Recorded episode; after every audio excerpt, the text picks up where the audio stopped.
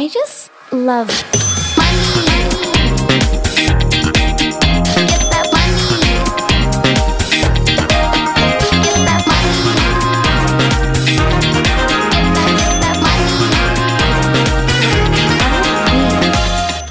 Hjertelig velkommen til en ny episode av Karrierekvinner. I dag har jeg besøk av en gjest som jeg gleder meg veldig til å bli bedre kjent med. Det er første gang vi møtes i dag, så dette her blir veldig gøy. Hun er 26 år, jobber offshore. Og det som hun brenner for, det er at hun vil ha flere jenter inn i industrien. Og hun bruker sin Instagram med flere tusen følgere til å formidle det budskapet. Og til å inspirere og motivere andre til å tørre å velge å gå sin egen vei. Både jenter og gutter. Og i år så ble hun faktisk også nominert til Jenteprisen. Og det skal vi snakke mer om. Hjertelig velkommen hit, Victoria Rummelhoff. Jeg har veldig veldig gjerne lyst til at du skal begynne å fortelle litt til de som ikke vet hvem du er. Bare sånn, fortelle sånn kort. Hvem er du, og hva er det du driver med? Jeg er 26 år og kommer fra Porsgrunn. Er kjemisk prosesstekniker og jobber offshore. Eh, Og står bak Instagrammen Rumloff. Der jeg egentlig, det begynte som en hobby, hvor jeg egentlig prøver å motivere andre til å gå en litt annen vei. da. Det er vel egentlig det jeg driver med nå for tida. Fordi du jobber, du jobber offshore, du jobber jo i industrien. da. Har du alltid visst at det er det du har lyst til å drive med? Absolutt ikke. Jeg skulle bli tennisproff. Tennisproff, ja. Tennisproff skulle jeg bli. Jeg skulle gå toppidrett. Eh, Så plutselig så switcha jeg over og tenkte at eh, sant, sjansen for å bli tennisproff, da, den er jo ikke så stor. Men eh, jeg, jeg var god, hvis det er lov til å si det. Det er lov å si. Eh, Men det var på en måte ja, Jeg satsa jobb, satsa interesse. Jeg har alltid sett på meg sjøl som veldig praktisk anlagt. Og ville ha på en måte noe jeg ikke satt stille i da, på jobb. Så da var det vel egentlig, så da satsa jeg på tipp, egentlig, på videregående. Noe som er en linje som veldig få jenter velger å gå, egentlig. Og det er en stor kontrast i forhold til toppidrett, på en måte. Ja, for det var, var det liksom toppidrett eller tipp du sto imellom, da? Ja, det var de. Så allerede så ung, da, hvor gammel er man da? Man er liksom 18-19 år, da? Da Ja, du er vel 16 når du velger, Ikke sant? faktisk. Du er så ung, da, og da tenkte du forts- allerede da Det er det som ofte fascinerer meg med gjestene, som er at jeg syns mange veldig tidlig evner å tenke eh, smart, da er det praktisk også, men da tok jo du da et valg som var Du tenkte ok, det er størst sjanse for at jeg kanskje kan klare meg eller begynne i industrien kontra å bli profesjonell tennisspiller, da, og da valgte du å gå den veien. Stemmer. Og så beholdt jeg tennisen som en hobby, og satsa på en måte på tipp. Eh, og så der var det i klassen min 70 gutter og fem jenter. 70 gutter og fem jenter. Ja. Wow. Hvordan var det? Det var jo spesielt. Eh, Man kommer jo fra, fra på en måte ungdomsskole og får jo beskjed om at eh, du må Eller folk gjenger seg jo litt, sant? og så plutselig så går du din helt egen vei og gjør noe helt annet. Og TIP blei jo sett på som en sånn taperskole. Som på en måte du bare går på som du Hvis ikke du kommer inn på noe annet, da, så går du teknikeren, på en måte. Eh, Så det, det, det var spesielt. Jeg har jo mange Man får jo på en måte et annet miljø. Absolutt. Ja, for hvordan var det? For da å gå fra et, da, et idrettsmiljø til et mer sånn teknisk eh, miljø, var det, var det en, en stor overgang, eller hvordan var det for deg? Det er jo på en måte i det tekniske, det er mye praksis. Eh, og så er det jo idretten hadde jeg jo fortsatt som en hobby, men på en måte det å se andre venner gjorde på en måte andre ting. Og så hadde jeg på en måte, for at hvis jeg skulle gå tips, så skulle jeg offshore. Det var ikke noe det var ikke noe in between. på en måte. Men hvis man angrer da, på videregående valg, så kan man jo bare gå treåret. Og da er man jo like langt som alle andre allikevel. Det er jo bare på en måte at eh, ja, mekaniske fag da, istedenfor idrett. Men når du såpass tidlig tok et litt sånn altså Det må jo være lov å si at det var et utradisjonelt valg, selv om jeg tenker at jeg håper at vi, at vi har kommet lenger enn det. Men det er jo fortsatt det, som du sier, det var 70 gutter og 5 jenter. Hvordan var reaksjonene fra venner og familie rundt deg når du valgte den veien? Mamma var litt stressa. Mamma, var, eh, mamma tenkte miljø. At hun skal trives. Det er viktig å ha venner rundt seg. Det er viktig på en måte sånne ting. Eh, pappa var litt eh, stolt, tror jeg. Eh, men samtidig så er det jo på en måte, sånn familiemessig så tror jeg de fleste fikk litt sjokk. For den, ingen så den komme helt. Og så prøvde mamma på en måte å være Hun forsikra meg veldig mye. da. Er du sikker på det her du vil, for nå går de andre i en annen vane, på en måte. Men eh, så har jo eh, min mor alltid sagt at du, du må aldri putte deg i en posisjon hvor du ikke kan forsørge for deg selv. Og da var det her veien på en måte litt å gå. Sånn, sånn sett. Ja, jeg får helt gåsehud når du sier det, for jeg synes det er veldig imponerende å høre at en så ung dame tør å altså, ikke følge flokken. Vi er flokkdyr, da.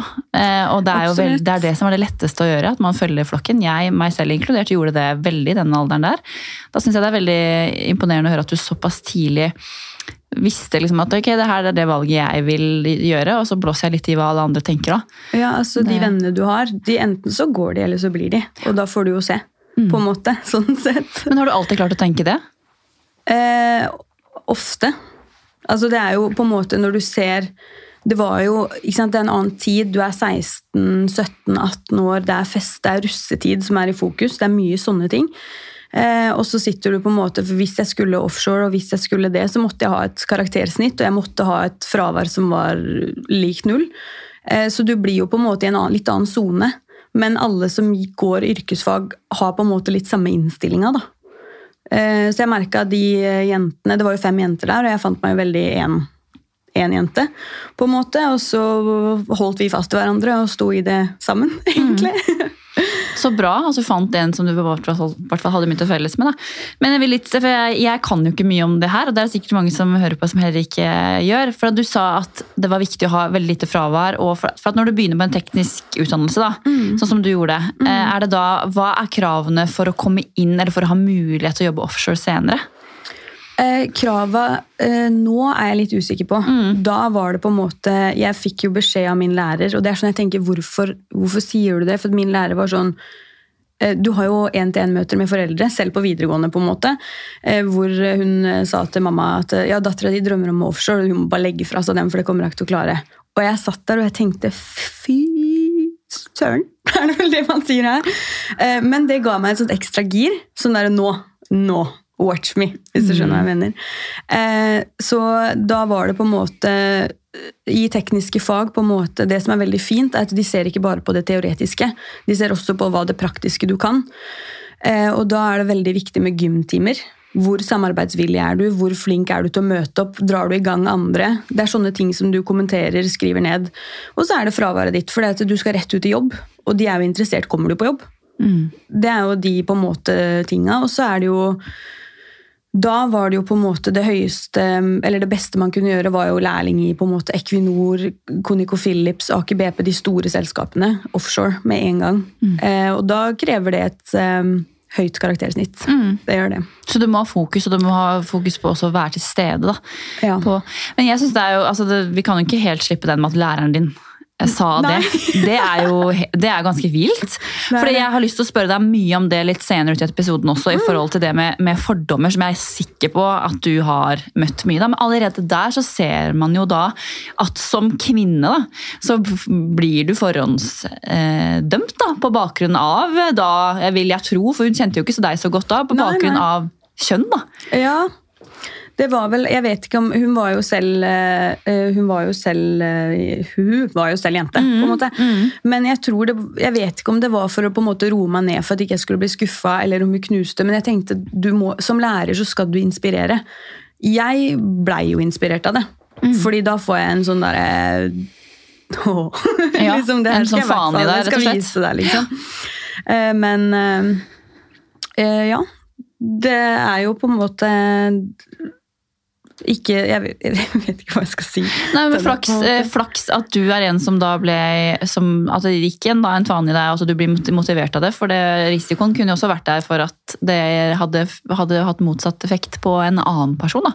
Absolutt. Så, men det er jo veldig veldig bra at det motiverer deg, og det, det ser ut som du har klart deg veldig greit. for å si det sånn. Takk. Men teknisk skole, da var du ferdig med det? Eh, Du fullførte den. Jeg regner med at du da fikk ganske høye karakterer og hadde lite fravær. Hva var liksom veien videre da? Eh, Da var det jo lærling. Mm. Altså, Jeg har ikke så lang vei som folk skulle tro jeg har. Jeg har jo bare gått eh, to år videregående, og så to år rett i lærling. Så det er det, det er det jeg har med meg, på en måte. Så var jeg lærling på land. Fikk jo ikke lærlingplassen offshore, selv med på en måte Jeg hadde jo da eh, 5,8 i snitt og null fravær. Ingenting. Ehm, og fikk lærlingplass på land, Og forsto jo da at det er jo ganske ålreit, det òg. Det er et større anlegg, det er andre rutiner, det er på en måte Du lærer veldig mye. Og så, rett etter jeg fikk eh, fagbrev, så dro jeg uh, Så fikk jeg ikke jobb, faktisk. Det er litt viktig å ta med det. Jeg fikk ikke den fastjobben for det var vanskelig å få uh, Altså, industrien er jo veldig Samme som markedet. Etter behov, og da var det lite behov. Og vi var masse, altså vi, vi, var jo i klassen 70 stykker, eller 75, da. Noen sier fem av de hoppa av, og så var det 70 stykker som skal ha fast jobb. Det er jo ikke sånn, på en måte. Så jeg fikk ikke fast jobb videre, dessverre. Og da hadde jeg tre måneder, to og en halv måned cirka uten jobb. Hvor eh, jeg etter hvert fant TS Group, som var et bemanningsbyrå, som jeg ringte. Og så, så gikk det sinnssykt fort derfra. Ja. Og det, er sånn, det gikk så fort at du må nesten liksom følge med. fordi at eh, jeg ringte på onsdag. Fikk et intervju på fredag. Eh, Så gikk det på mandagen igjen. Og så tenkte jeg ok, nå har det gått over helga, men de ser jo kanskje ikke over. Du er spent, du er spent ikke sant? Og så sitter jeg og har jo bare fagbrev, og bare vært lærling. Så tenkte jeg ok, så gikk det en uke, så fikk jeg jobben på fredag. Så da var det en uke fra intervjuet til jeg fikk jobben. På mandagen igjen da så ble jeg sendt på et sånt GSK-kurs som du må ha for offshore. Og så neste uke så var jeg offshore. Wow. Så det er på to og en halv uke fra intervju så sto jeg på plattformen. Wow. 21 år. Hvordan var det? Det gikk så fort at jeg fikk jo ikke med meg hva jeg Nei, for da plutselig så står du der i arbeidsklær og blir flydd over da, Ja. til eh, plattformen. Og sånn, her skal du være hvor lenge? da, 14 dager. 14 dager ja. Mm. Ikke sant? Og da var liksom Da var det i gang. Da, da var eventyret i gang. Da var drømmen oppfylt. Ja. Da var det bare å legge ut en post på Instagram. da, Made it offshore. Ja, og, ja, og hvordan var det? Det var en eh, sinnssykt deilig følelse, samtidig som at jeg visste ikke hva jeg gikk til. Jeg hadde ikke peiling, og det var ikke sånn jeg hadde trodd. Nei, på hvilken Egentlig. måte da? Nei, eh, det er det som på en måte alle sier nå. 'Å, jeg har så lyst til offshore, jeg vil offshore'. Og så nå har jeg begynt å spørre, men hvorfor? Er det på en måte det du ser Er det godene, er det det eller det, eller er du interessert i faget? Fordi jeg er veldig teknisk interessert, men du står i på en måte faget med bare mannfolk. Jeg var den eneste jenta i to uker, og du, du kan ikke ringe hjem når du vil. Du er på en liksom blittboks midt på sjøen da, plutselig. Så det var et lite, lite sekund der jeg tenkte Shit, hva har jeg gjort nå? Hva, Mm. hva, hva, hva, var det det her jeg jobba så hardt for? For du står i det. Du, du, står, du står på en måte i drømmen din, da. Og så lurer du på sånn, hva er neste steg nå? På en måte. Mm. Eller du Jeg vet ikke. Jo, fordi man, Det gir veldig mening, egentlig. fordi at du, altså Det her er noe du har jobba for hele tiden. Og så har man altså, kanskje hele tiden bare jobba med den prosessen fram, fram til man er der. Og så plutselig så står du der på plattformen da, med vind i håret og bare Ja, ja. Ja, hva gjør, hva gjør jeg her? Og det måte? verste er at jeg kjente jo ingen som jobba offshore. Nei. Jeg visste jo ikke hva de gjorde, eller hva de gikk ut på. Jeg bare skulle dit, jeg. Men hvorfor, vet ikke. Og nå har jeg funnet ut at det, det er jo virkelig noe for meg. Men du må finne ut av den livsstilen. Den, du er to uker vekk, og da er du vekk i to uker. Du må på en måte klare å det skjer mye ting hjemme. Familieliv. Der er det jo det er første skritt du går glipp av. Det er skole, det er eh, eh, fester, bryllup, eh, julaftener, 17. mai. sant? Eh, du må stå litt i det, i, mm. samtidig som at det er kjempebra miljø der ute. på en måte. Ja, for er, er du mye ensom når du er på sjøen? Jeg var. Jeg var. Første turene så syns jeg det var tungt å være så lenge. Jeg har jo ikke vært noe hjemmefra. Jeg har vært på en ferie her og der, på en måte, og da er det jo med ditt selskap. Og nå plutselig så står du, eh, står du litt aleine, da, og du er den eneste jenta der ute. Utenom kanskje to stykker som er i en helt annen avdeling enn deg, så du har liksom ikke noen å prate med om det. Og så skjer det jo ting hjemme, og du er jo ikke 21 år. ikke sant? Det er ting hjemme som du gjerne skulle ha vært med på. på en måte.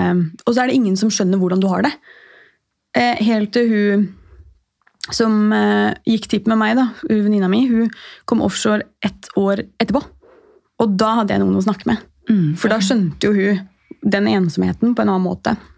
Men Ja. eh, For hvordan, hvordan var det da å, å komme som 21 år gammel eh, dame, da, og ut Eller en jente er man jo nesten, da. Man er jo ung, liksom. ja, ja. Eh, å komme ut på en plattform hvor det da er stort sett bare menn, da.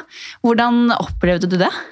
Nei, det første jeg, og det her er ikke tull, det første jeg ble møtt med, og det, det får jeg faktisk litt uh, cred for.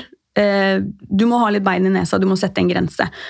Du er 21 år, Uh, jeg ser ut som jeg gjør, holdt jeg på å si.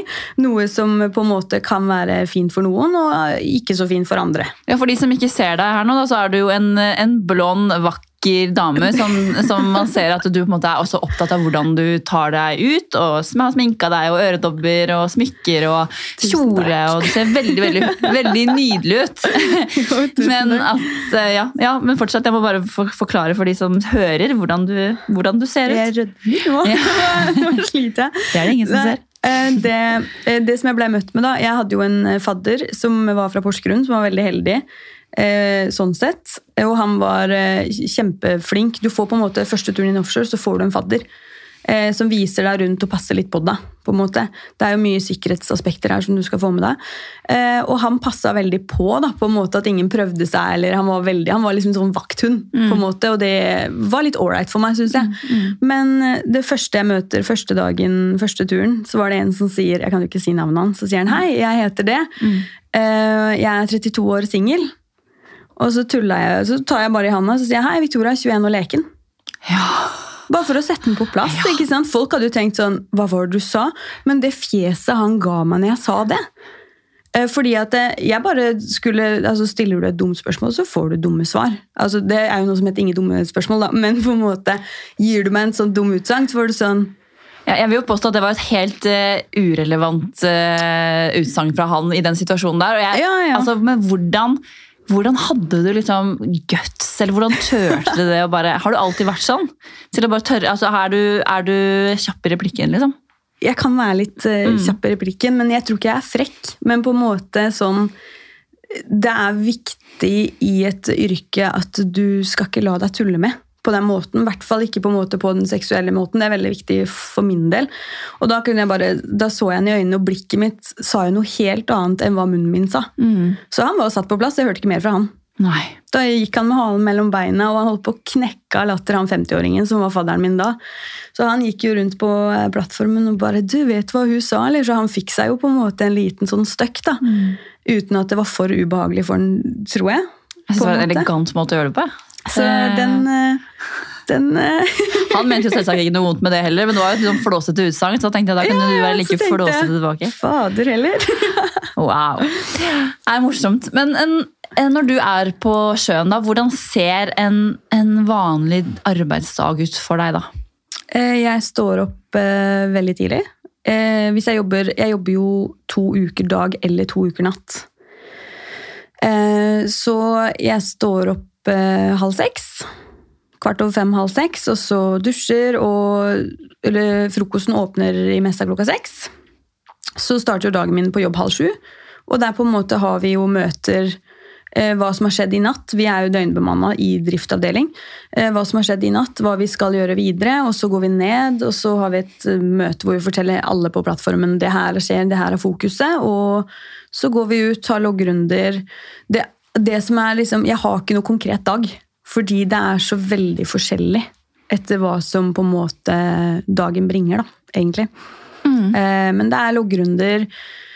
Eh, når du ser en operatør surre rundt og bare gå og kikke, så er det da vi gjør på en måte det viktigste arbeidet. For vi har lekkasje, vi skal høre, vi skrur. Det er mye, veldig mye å sette seg inn i. Du skal egentlig kunne litt av alt. Så jeg liker å si jeg kan alt om ingenting.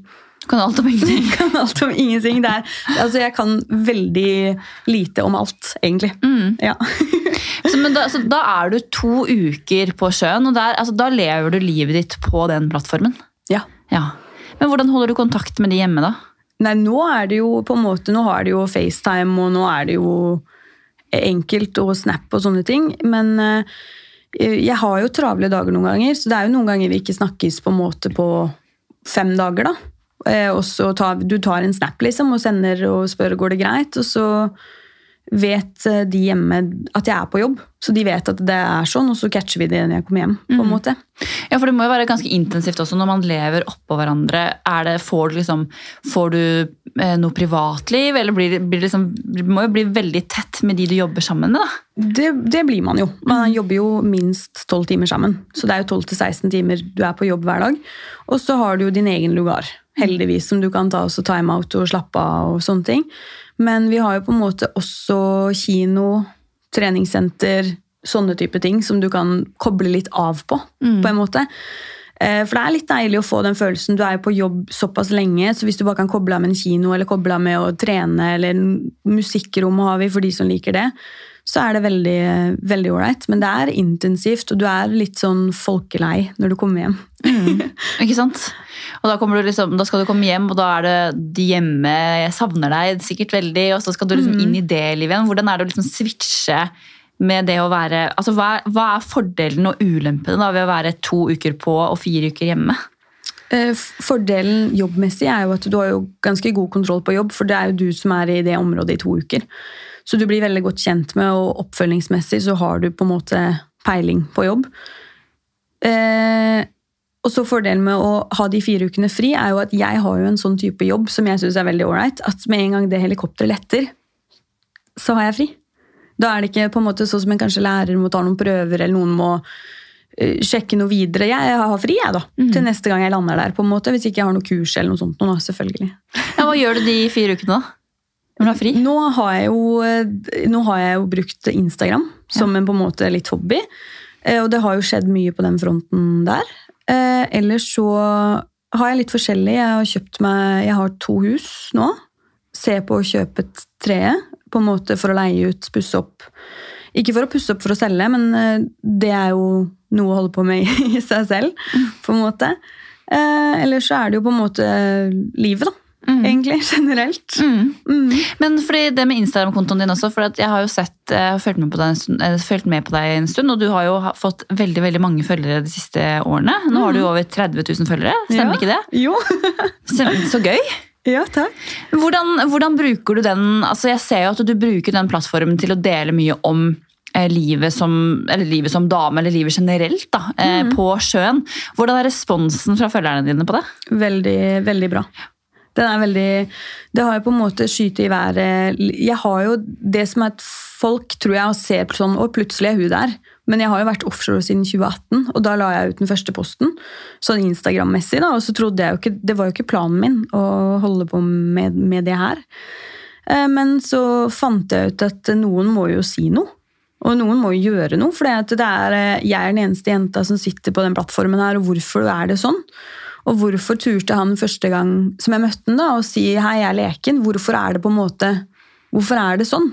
Og jeg begynte å reflektere litt og begynte å skjønne at noen måtte si noe, og da blei vel det meg, da. på en måte. Så da tok sett. du den stemmen. Da tok jeg den. Mm. Eh, er jo ikke, kan jo være mer aktiv, på en måte, sånn sett. Men eh, jeg tror det er viktig å holde det som en eh, hobby. Og si noe når jeg føler det er viktig å få sagt det, og så holde seg seriøs sånn sett. Mm. For da, du har ikke noen intensjon om å leve av sosiale medier, det er en sånn hobby. Det hadde jo vært gøy. Mm. Det tror jeg absolutt. Men jeg trives så veldig godt med, med det faget jeg har valgt. egentlig. Og så er det jo genialt at jeg har fire uker fri, hvor jeg kan surre med sosiale medier og lage det til en liten livsstil, det òg, egentlig. Mm. Det er kjempespennende. Fordi jeg har jo sett masse på Instagramen din og stalka deg litt der, rett og slett. Men jeg ser at du har jo veldig mange internasjonale følgere. Og det er jo altså majoriteten av de tilbakemeldingene For jeg ser jo en eller annen mann skriver at du ser digg ut, liksom, men det er jo mye, eh, mye damer som virker som de blir veldig inspirert av deg, og som skriver at de har valgt å gå teknisk utdannelse pga. deg. Eller, eller så er det damer som kanskje kommer, bor i land som ikke er like demokratiske og åpne som det vi, sånn som vi har det her i Norge, da, hvor ikke alle har de valgmulighetene. Eh, får du mye tilbakemeldinger på fra damer da, som har lyst til å gjøre det samme som deg, og som blir inspirert. Jeg, ja. Det er egentlig det jeg får mest av. egentlig. Folk som lurer på hvordan de kan gå den veien eh, jeg går, og folk som på en måte ja, Uten at jeg helt visste det, så har jeg vel blitt et forbilde på veien. På en måte. Som du sier med Det er mange damer med Jeg har tatt en del eh, Jeg har tatt en del eh, livesendinger med damer fra andre land som ikke har på en måte de mulighetene som vi har. og Noe som jeg synes er, det, det kan vi ikke snakke om engang, for da tenner jo alle varsellampene hos meg. Gjerne snakk om det. Nei, men altså, eh, Det er så mye sånn «Å ja, Hvorfor skal du ha mer jenter ut i industrien? Nei, men hvorfor ikke? Vi trenger alle. Vi er, vi er 50% på kloden er jenter, og vi trenger alle. Så det er eh, sånn det på en måte er. og det er veldig hyggelig å se på en måte, Jeg får masse tilbakemeldinger fra, fra jenter som vil samme vei, eller fra jenter som lurer på hvordan turte du det, og det er kult, for det er jenter som backer jenter, og vi trenger det. Så når vi først får de jentene ut i industrien, da, så er det så veldig, veldig, det er så viktig for meg at vi må ta vare på de jentene som kommer ut. Vi jenter også kan jo være kjempestygge mot hverandre. Så at jenter må passe på jenter og backe jenter. Det er sånn vi kommer oss fram, egentlig. Det er jo målet mitt med den podkasten her også. At vi kvinner løfter hverandre opp. Og for det, vi trenger det faktisk. Og eh, vi har heldigvis kommet veldig veldig langt, men vi, vi har en lang vei å gå da, for at, at damer skal ha like rettigheter som menn. Men at også at vi skal bli mer bevisst på det å snakke hverandre, snakke hverandre opp og løfte hverandre frem. fordi det har jeg preacha så mange ganger, men det er noe med det at det er plass til alle. Mm. Og det skal være plass til alle, og det skal man, Jeg ønsker å utfordre, på lik linje som du gjør det, at utfordre damer og menn, selvfølgelig, men det er jo flest kvinnelige lyttere til denne podkasten til å kanskje eh, tenke litt utenfor de boksene som blir liksom satt satt fram til deg. For det er jo fortsatt veldig sånn at når du går på skolen eh, så, som barn, så blir du eh, i, i større og mindre grad selvfølgelig liksom vist i en type retning. Du blir litt guida. Ja, og så har det også veldig mye med det du sier med for, kvinnelige forbilder også. Fordi det er de forbildene du har, da, kvinnelige forbilder kanskje er i veldig Mange av de er i standardtype yrker. yrker. Og da er det så bra eh, å få inn en som deg også som kan vise mulighetene. da. Eh, variasjonen i ja, hvordan, at det er mulig å velge andre ting også. Ja. Men du har jo backa jenter såpass at du har jo blitt nominert til altså, Jenteprisen Ja. i 2023. ja. Wow! Det er stort. Det er, vet du, det er veldig stort for meg. Det er en uh, gjev pris, syns jeg. Det, det, jeg har ikke noe annet å si, for det er så mål... Det, er- det syns jeg er stort. Ja, for Jenteprisen det er jo en altså, Det er plan, er det ikke det? Plan og costume. Mm. Ja, som, og den går til en person eller, en person eller organisasjon eller bedrift i Norge som har gjort liksom, en ekstra innsats for å stoppe vold eller overgrep eller diskriminering av jenter. Mm. Eh, og den prisen ble du nominert til. Ja. Det er rått. Det, vet du hva, det, det var en liten anerkjennelse, anerkjennelse, egentlig, på at eh, jeg gjør noe riktig. Så det var, eh, det var veldig stort. Det var veldig artig å være med. Det er første gang jeg er i en sånn eh, setting. I en prisutdeling i det hele tatt. Så det var veldig stort på en måte. Jeg blir jo litt sånn starstruck. og så var det så kult ikke sant, å være i et rom hvor alle backa jenter. Alle jenter backa jenter, og det var jo for det meste jenter som var der. på en måte, Og det var store navn som var nominert, og eh, på en måte folk som har gjort mye større ting enn meg. Og så plutselig så kommer jeg og bare Nei, let's go offshore, på en måte. Eller jeg vil ha jenter i industrien. Og så Nei, det, det var stort. Det var veldig stort. Hvordan har tilbakemeldingene vært på det? De har vært veldig bra. Ja. Eh, det har vært på en måte Noen har vært eh, litt sånn at endelig så kom det fram. Fordi at det vi også får gjort med en sånn pris, det er jo å sette mer fokus på akkurat det temaet jeg vil. Så eh, sånn sett så har det vært veldig bra, altså. Ja, Det er jo en anerkjennelse. Er kan du tenke deg å jobbe mer Har du liksom gjort deg noen tanker om at om du vil liksom heve stemmen din enda mer og gjøre enda mer ut av det med å få flere kvinner inn i industrien? da? Ja, jeg bare lurer på hvordan. Mm. Jeg sitter og tenker hele tiden, for det er noe jeg virkelig, virkelig brenner for. Eh, På en måte, egentlig Hovedsakelig at folk skal ta sin egen vei. Jeg vil ha gutter som frisører og sykepleiere. Alle, vi trenger på en måte alle overalt. Og at eh, samfunnet At vi trenger ikke bare sjefer og ingeniører og topputdannelse. Vi trenger også noen på bakken. Den også er litt viktig for meg. at Du skal ikke ha noe yrkesskam. på en måte.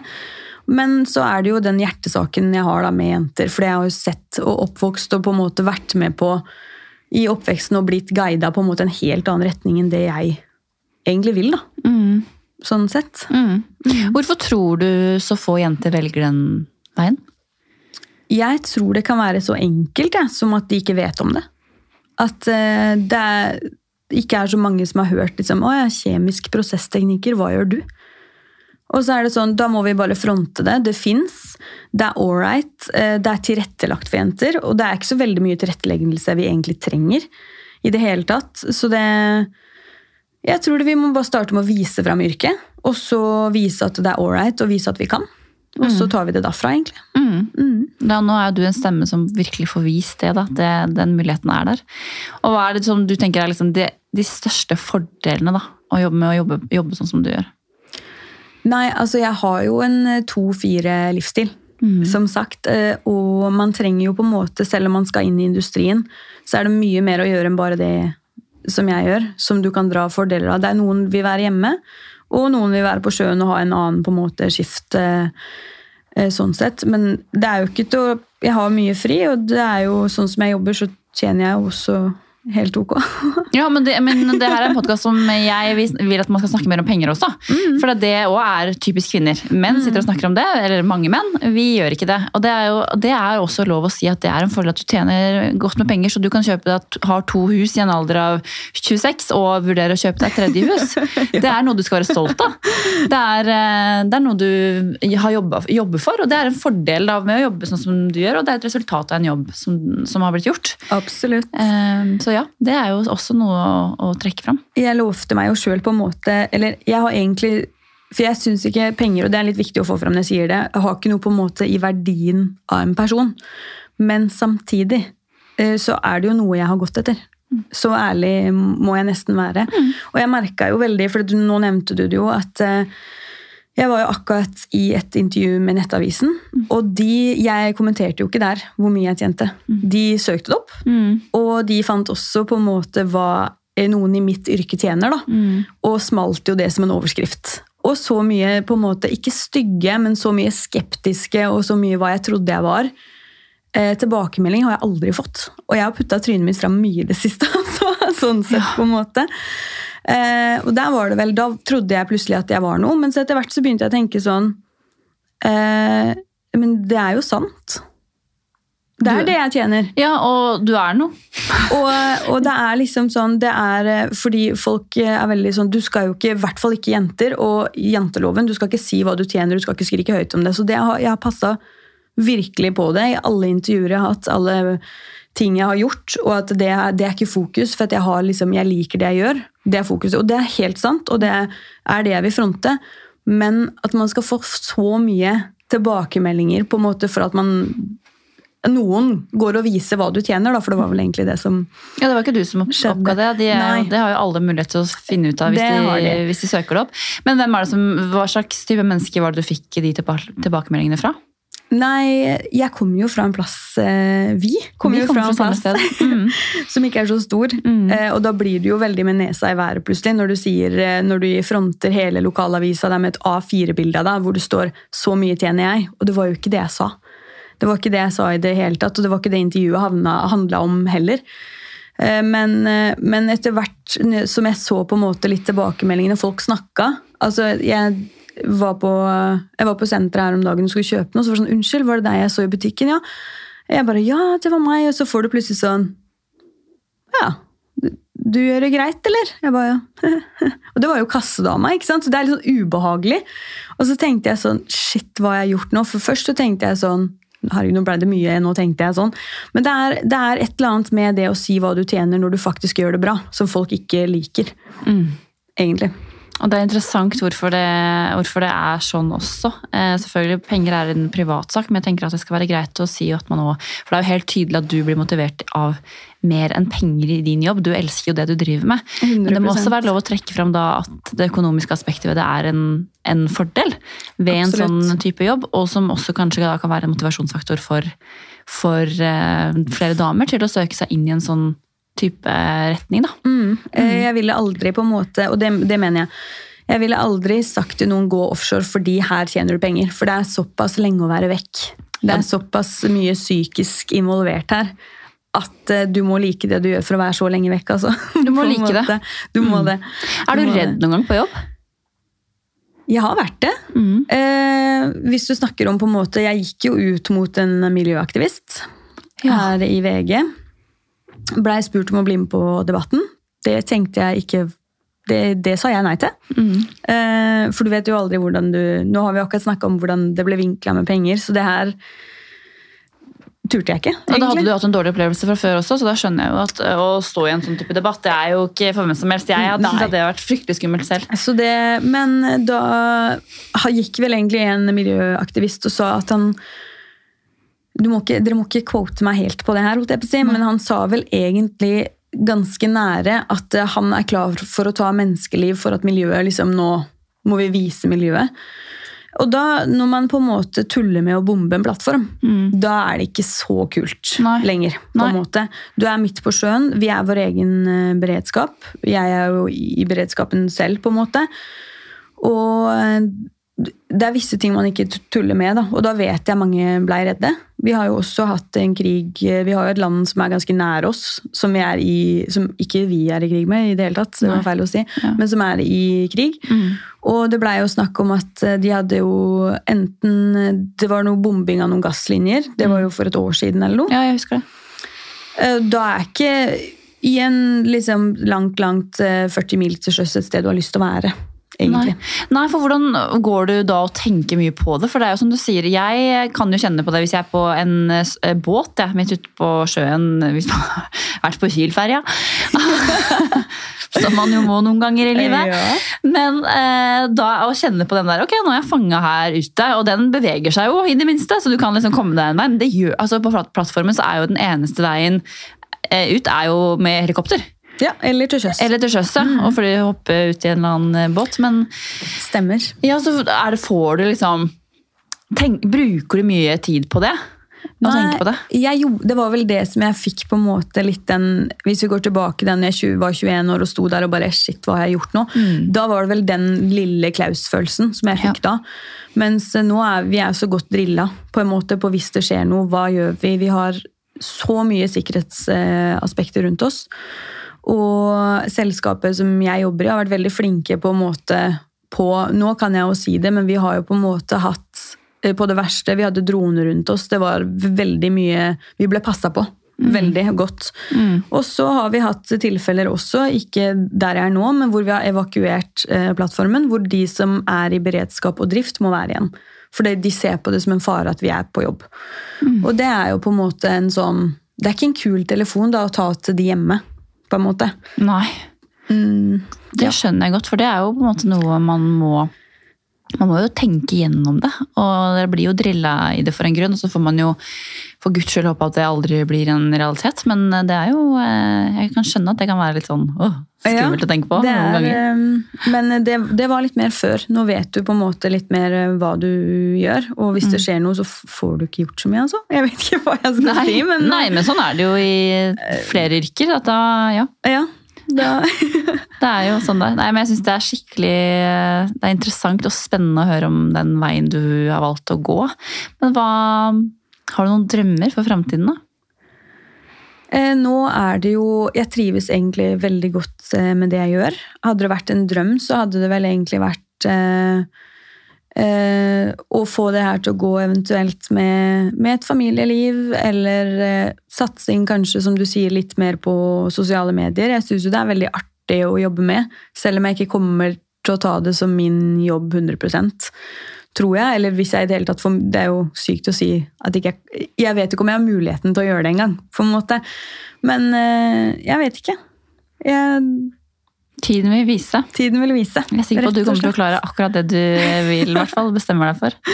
Tusen. Det har vært skikkelig skikkelig kult å ha deg her, og jeg tror mange kommer til å bli inspirert. Og hvis de vil eh, bli mer, inspirert mer av deg, hvor er det de finner deg da? Nei, da er det vel Instagram, da, Ja. som jeg holder mest til. til.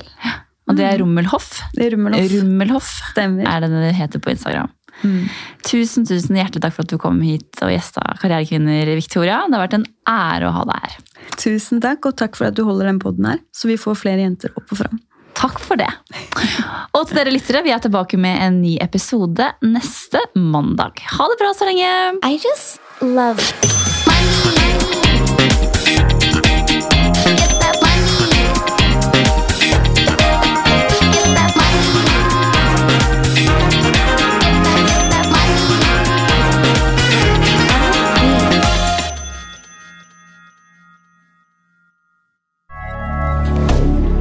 moderne media. Har du et enkeltpersonforetak eller en liten bedrift? Da er du sikkert lei av å høre meg snakke om hvor enkelt det er med kvitteringer og bilag i fiken, så vi eh, gir oss her, vi. Fordi vi liker enkelt. Fiken superenkelt regnskap.